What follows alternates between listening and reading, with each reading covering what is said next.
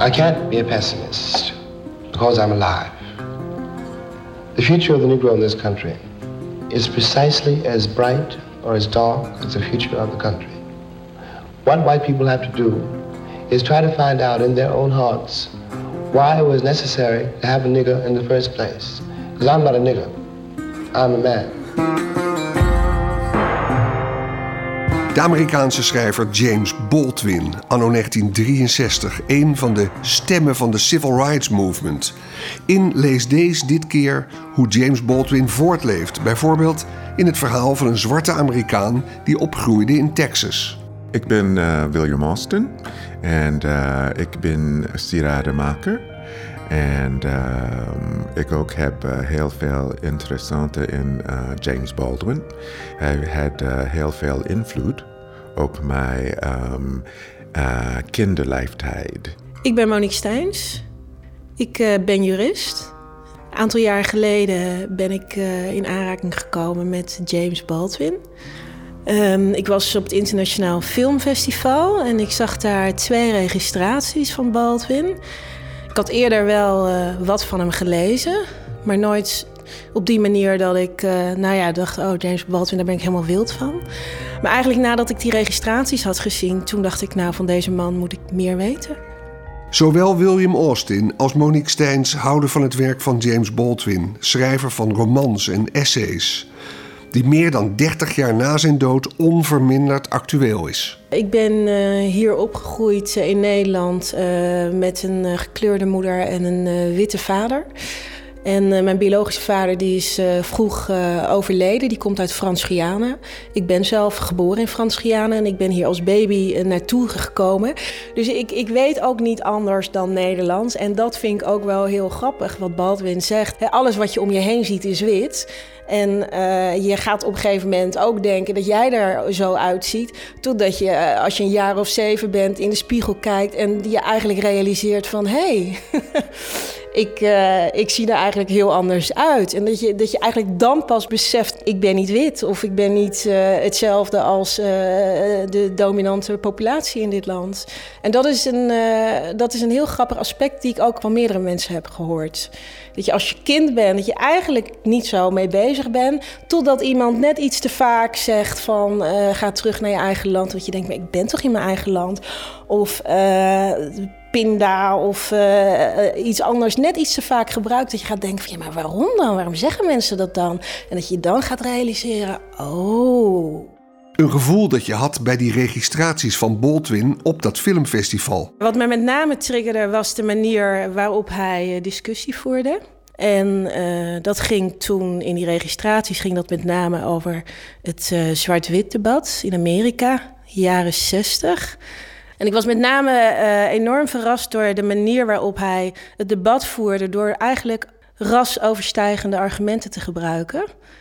Dus het ging hem niet zozeer om ras of om huidskleur, maar meer de manier waarop mensen met elkaar omgaan in die zin dat apathie een groot gevaar kan zijn. Er is een fragment waarin die apathie door hem benoemd wordt. Een heel fel fragment. Laten we er even naar gaan luisteren. Ja, dit, dit fragment komt uit een interview met Kenneth Clark. En uh, die show heette, dat was een talkshow, die heette The Negro and the American Promise. En uh, die show is uh, live gegaan in juni 1963. And there are days, this is one of them, when you wonder what your role is in this country and what your future is in it. How precisely you're going to reconcile yourself to your situation here and how you're going to communicate to the vast, heedless, unthinking, cruel white majority that you are here. I'm terrified at the moral apathy, the death of the heart, which is happening in my country. These people have deluded themselves for so long they really don't think I'm human. I base this on their conduct, not on what they say. And this means that they have become in themselves moral monsters. Wat eh, Baldwin uh, hier wil zeggen is dat apathie een heel groot gevaar is. En dat dat ook gewoon een natie zou kunnen vernietigen. Volgens hem zit namelijk het echte vergif in onverschilligheid. In de manier waarop we de ander niet willen zien. Um, en wat we doen is volgens hem een muurtje om ons heen bouwen. En dan uh, vervolgens willen we niet weten wat er aan de andere kant van de muur gebeurt. Dus we willen niet over dat muurtje heen kijken. En de vraag die Baldwin stelt is: uh, waarom willen we eigenlijk niets van de ander weten? Is het, gaat het om angst? En, en wat voor angst is dat dan? Is dat om geconfronteerd te worden met een wereld die anders is dan jouw wereld? Of is het misschien dat je bang bent dat, dat, het dat je genot minder wordt door het feit dat je je confronteert met een, met een stukje andere wereld dan de wereld die, die jouw is? En hij zegt eigenlijk dat die angst irrationeel is. Dus dat het niet zozeer gaat om ras om huidskleur, maar om een irrationele angst. En ook om een groot onvermogen om op een realistische manier naar de wereld te kijken. En als, uh, als ik kijk naar Nederland, dan denk ik dat wij daar ook niet wars van zijn. Ik denk dat wij ook wel uh, de neiging hebben om muurtjes om ons heen uh, te bouwen. Dus volgens mij een paar jaar geleden, ik denk dat het TNO-rapport was, ik weet het niet 100% zeker, maar dat ging met name over de kloof tussen hoger en lager opgeleiden. En waar je eigenlijk ziet dat die groep elkaar niet meer tegenkomen en misschien wel niet willen tegenkomen. Um, dus ik denk dat um, het wegkijken, dat dat iets is wat wel voor elke tijd geldt.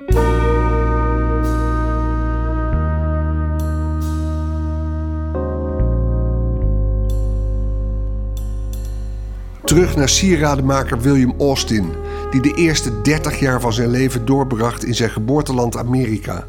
Precies in de periode waarin Baldwin een van de voormannen was van de Civil Rights Movement. Pleidooien hield voor wettelijke afschaffing van rassendiscriminatie. Ik was opgegroeid in San Diego, Californië. En natuurlijk in San Diego, het is uh, net op de grens van Mexico. So voor mij in die buurt was het heel veel Mexicaanse mensen, ook uh, Chinese mensen en uh, mensen van alle kleuren. En op mijn leeftijd van tien jaar was ik verhuisd naar Dallas, Texas. En um, ik denk dat met uh, die verhuizing was ik um, thrown right in the middle of it. so ja. as, een, as een kind van um, elf uh, jaren was ik, uh, ja, wat is dit? Wat, uh, ja, en dat was het beginning van die hele moeilijkste periode mm -hmm. van de Civil Rights Movement. Als elfjarige belandde u in het zuiden van de Verenigde Staten en in Texas, een conservatieve staat. En u opende de ogen als jongetje en dacht, waar ben ik in beland? Exactly. Maar um, ja, het was uh, voor mij een uh, totaal uh, verandering of verrassing over uh, wat is gebeuren, wat kan gebeuren. En um, ja, zo als een kind van elf jaar moet ik uh, beginnen en ga door. En uh, met alles negativity um, dat was daar in die omgeving. ja, ik, ik neem aan dat uw ouders uh, verhuisde naar Texas. Heeft misschien met het werk van uw vader te maken? Ja, ik raad maar. Mhm. Nee, uh, mijn vader, hij blijft in San Diego. En uh, de reden voor onze verhuizing was dat um, mijn moeder, uh, zij was overleden. En um, so wij hadden naar um, Dallas gegaan te wonen met mijn oma. Zij was een schoonmaker voor een uh, uh, rijke familie in een andere buurt in Dallas. En dat was een zwarte familie? Ja, onze familie was zwart. Ja, ja, ja. Dat was begin jaren 60. Wat herinnert u zich in Texas van die rassendiscriminatie? Oh, wel, ik herinner. Um, je gaat naar een, um, een um, café voor iets te eten. En je zit te wachten, zit voor die ober of zo. En um, in ongeveer 30 minuten um, niemand komt bij. En uh, ja, het was die subtiel manier van uh, racisme En uh, je vraagt um, waar wij zitten hier heel lang, maar um, niemand komt bij. En zegt sorry, maar um, we don't serve we don't serve dark people. Uh, so um, that was één. Um, als je in die periode heb ik uh, muziek gestudeerd en dat was um, uh, classical music. Maar de universities uh, zit in een blanke uh, buurt. So in the transit naar de university, uh, mensen komt uh, buiten, um, de door. Um, hey nigger, what you doing in my neighborhood? Wat ik zelf heel frappant vind uh, van, um, van James Baldwin is dat hij werd in zijn tijd werd hij heel goed ontvangen, zowel door wit als door zwart. Uh, in het begin met name door, door wit, een beetje de Joodse uh, liberalen. En, um, maar hij zegt hele confronterende dingen. En dat vind ik heel bijzonder, omdat mensen luisteren er wel naar. Ook al wil je het niet met hem eens zijn, je kan er bijna niet omheen. En dat heeft heel erg te maken met zijn stijl.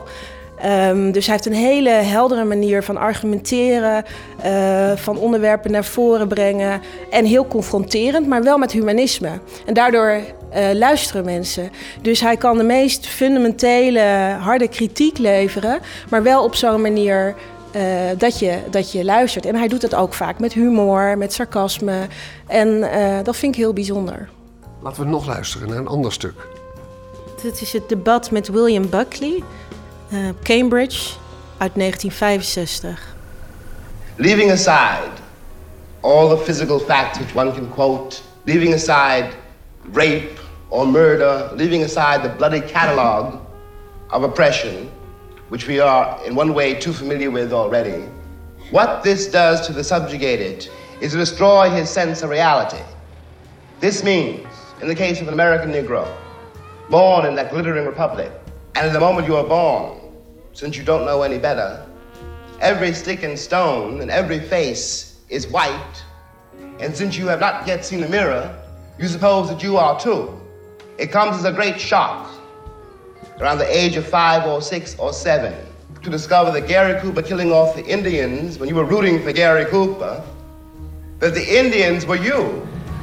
It comes as a great shock to discover that the country, which is your birthplace, and to which you owe your life and your identity, has not in its whole system of reality evolved any place for you. Het is een enorm ja, bijzonder stuk. Met name ook het stukje waar hij zegt uh, hè, dat je aan het juichen bent voor Gary Cooper in de film. En dat je op een gegeven moment op een leeftijd komt dat je erachter komt uh, dat jij eigenlijk de Indiaan bent waar Gary Cooper op aan het schieten is. Dus ik vond dat uh, een enorm uh, ja, grappig uh, fragment. En ook de manier waarop hij dat naar voren brengt. Maar wat, wat Baldwin eigenlijk doet in, in dit fragment... is een beroep doen op je plicht om je eigen geschiedenis te kennen. Maar het, het ritme is goed, zijn ja. dictie is goed, ja. zijn stem is geweldig... de pauzes zijn goed... Het is eigenlijk ook bijna een soort acteur. Het moet, het moet een enorm charisma geweest zijn. Ja, ik, uh, als ik naar de man kijk, dan uh, ligt mijn hart op. De manier waarop hij inderdaad het debat voert. Maar ook wanneer hij lacht, dat er dan een soort van uh, zonlicht straalt. Hij heeft een heel heel, uh, hij heeft hele grote mimiek in zijn gezicht. En hij draait met zijn ogen. Hij lacht sarcastisch. Hij is heel, uh, ja, hij is leuk om naar te kijken. En geweldig om naar te luisteren. En om hem te lezen? Ja, om hem te lezen, fascinerend. Ik moet het soms wel twee keer lezen om te begrijpen wat hij zegt. En hij schrijft natuurlijk ook wel heel erg in de tijd, hè? in de jaren 60, jaren 50, jaren 60 tijd. Um, maar ik kan er wel van genieten. Maar het is niet dat ik zeg maar heel relaxed uh, zeg maar, uh, erbij zit en het boek lees. Ik moet wel echt mijn gedachten erbij houden. En wanneer kwamen de teksten van James Baldwin voor het eerst in jouw leven, William Austin?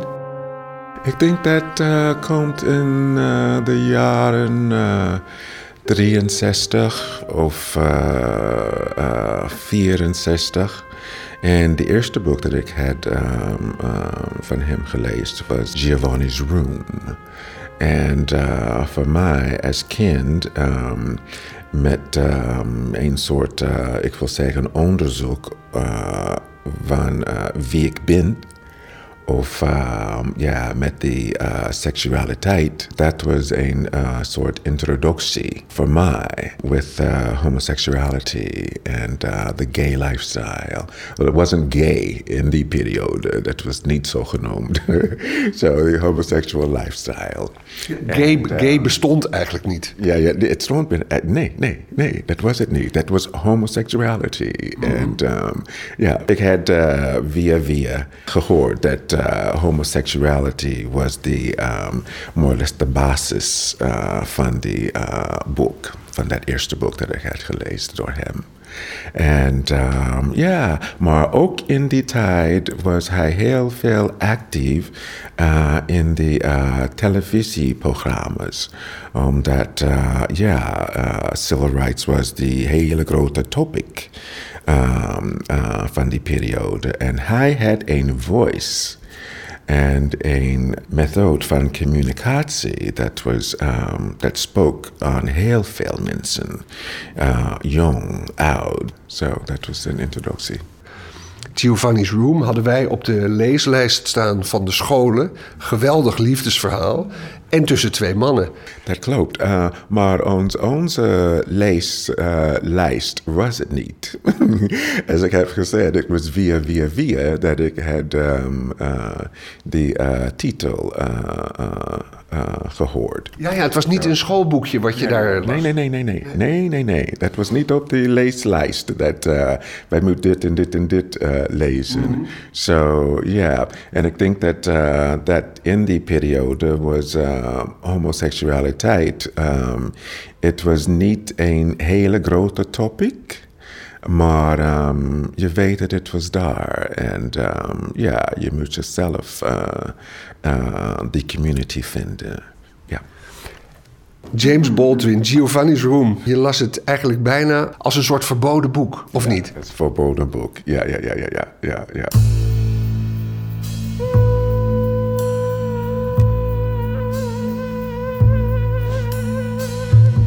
Leven onze tijd waar boeken over homoseksualiteit niet onder de toonbank verkocht hoeven worden. Over deze tijd gesproken, heeft William, die als 66-jarige donkere man in Amsterdam woont, nu nog wel eens last van discriminatie? Wel, ik denk dat, um, ja, uh, wij gaan kijken op uh, die Zwarte Piet um, um, issue. it exists, and every year it gets worse. Um, de laatste keer, dit jaar, was het, um, ja, um, ja, echt uitgeborst met, ja, uh, met die radicale uh, blanke mensen. Mensen, ik denk de regering zeggen dat deze mensen zijn uh, hooligans. But that wasn't a football game. So it's here.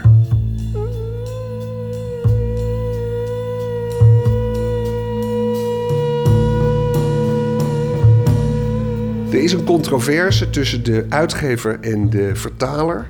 Negro is waar mogelijk vertaald als zwart en niet als neger. Terwijl de vertaler die zegt van ja, maar omdat het geschreven is zoveel jaren geleden, moet je het eigenlijk wel vertalen als neger. Dus de vertaler is het eigenlijk oneens met de uitgever. In uh, Nederlands, die woord neger is heel veel dichtbij als je hoort uh, de woord nigger. Dus eigenlijk proef ik die uitgever die Negro vertaalt met zwarte, die heeft eigenlijk wel gelijk. Dat moet je eigenlijk nu niet meer vertaald met neger. Mm -hmm, precies, niet meer met neger. Uh, het maakt niet uit als de boek was in um, 1950 geschreven of uh, nieuw. It's necessary to update ja. the interpretation. Precies, daarom maak je ook een nieuwe vertaling van een boek. Ja, ja, ja precies, precies. Wie zich wil verdiepen in de vertaalkwesties in Baldwin's werk, bijvoorbeeld hoe het woord white te vertalen als wit of als blank, verwijs ik naar de nieuwe Baldwin-uitgave van De Geus, waarin zowel de uitgever als de vertaler Harm Damsma hun visie geven. Waarmee we aan het eind komen van dit item over James Baldwin. Maar niet na nog even terug te keren naar Monique Steins. Was James Baldwin ook bekend van media zoals de televisie? Monique Steins is dat zelf ook. Zij maakt sinds kort op eigen initiatief, niet ondersteund door een omroep of andere organisatie, een talkshow getiteld Zwart zonder suiker. Zwart zonder suiker uh, is een talkshow. Het is een platform voor vrouwelijke professionals van kleur. En uh, het platform is om de zichtbaarheid te vergroten voor deze uh, vrouwen. En zij praten over hun deskundigheid, over hun werk, over hun passies. Zij komen niet te om te praten over hun kleur of over de kleur van andere mensen, maar echt over hun professionele uh, talent. Ja, en het rare is, ik heb nu, omdat ik hier naartoe ging, heb ik even op online heb ik een paar dingen gezien dat is nou precies wat de omroep, de publieke omroep, steeds roept dat er zou moeten gebeuren. Ze zeggen allemaal van we willen die mensen zien en die zitten zomaar bij jou aan tafel in een soort, ja, je noemt het een no-nonsense project. Hoezo no-nonsense project? Nou ja, no-nonsense programma. Dit, hè, dit gaat uh, over het werk van deze vrouwen en over hun deskundigheid. Dus inderdaad, voor redacties is dit natuurlijk een, uh, een vijver voor actualiteitenprogramma's om inderdaad uh, mensen van kleur te kunnen vinden. Heel vaak zeggen redacties natuurlijk dat ze die mensen niet kunnen vinden. Ze weten wel dat ze er zijn, afgestudeerd en alles. Maar ja, ze, je ziet ze bijna niet bij Nieuwsuur. Nou ja, wij tonen ze. En ik zou zeggen, bel en kijk naar het programma programma www.zwartzondersuiker.nl. Ja, hier, hier. En is er eigenlijk een link met wat jullie doen en James Baldwin ook doet? Of uitdraagt? Of is dat nou te ver uh, doorgeredeneerd? Nou ja, ik denk wel de regie in eigen handen nemen. En um, wat James Baldwin zegt is van... Uh, in een interview zegt hij ook van... ik ben een beetje klaar om uitleg te geven over de zwart-wit discussie. En uh, ik denk dat sommige mensen dat ook inderdaad zijn. Die willen gewoon verder. En in dit geval willen we laten zien... of willen we in ieder geval bezig zijn met wat mensen van kleur doen...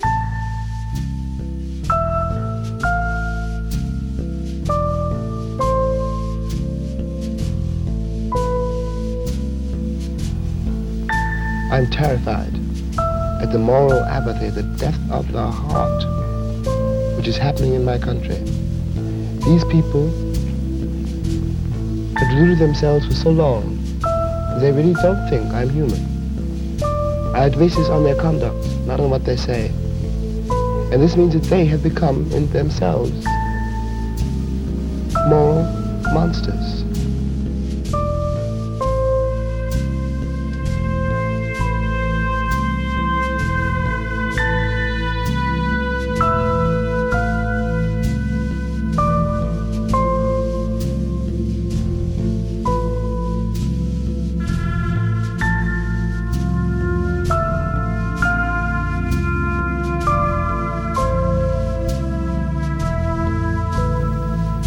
I can't be a pessimist because I'm alive.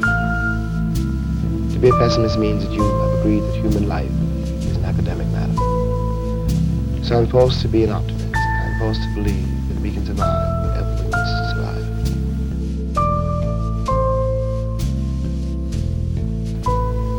I can't be a pessimist because I'm alive. Tot zover deze aflevering van Lees Deze over James Baldwin met sieradenmaker William Austin en Monique Steins, juristen. De historische fragmenten van James Baldwin zijn trouwens ook te horen in de documentaire I'm Not Your Negro uit 2016 van regisseur Raoul Peck. Maar directe aanleiding voor deze aflevering van DSD's zijn de twee vertalingen van Baldwin die kort geleden bij uitgeverij De Geus verschenen. In vertaling verscheen de roman If Beale Street Could Talk en het essayistische werk The Fire Next Time. In de vertaling trouwens van Harm Damsma. Lees deze is een VPRO-podcast aanhakend bij de actie Schwab, een initiatief van het Nederlands Letterenfonds. Ik dank Rebecca Wilson, Alexandra Koch, van der Pijl en de collega's van het programma Nooit meer slapen. Meer informatie via vpro.nl/slash leesdees. Maar deze podcast is natuurlijk ook vindbaar in iTunes en Stitcher. Over de actie Swap van het Letterenfonds vind je meer via swap.nl. Graag tot horens, tot bij een andere editie van Lees Dees.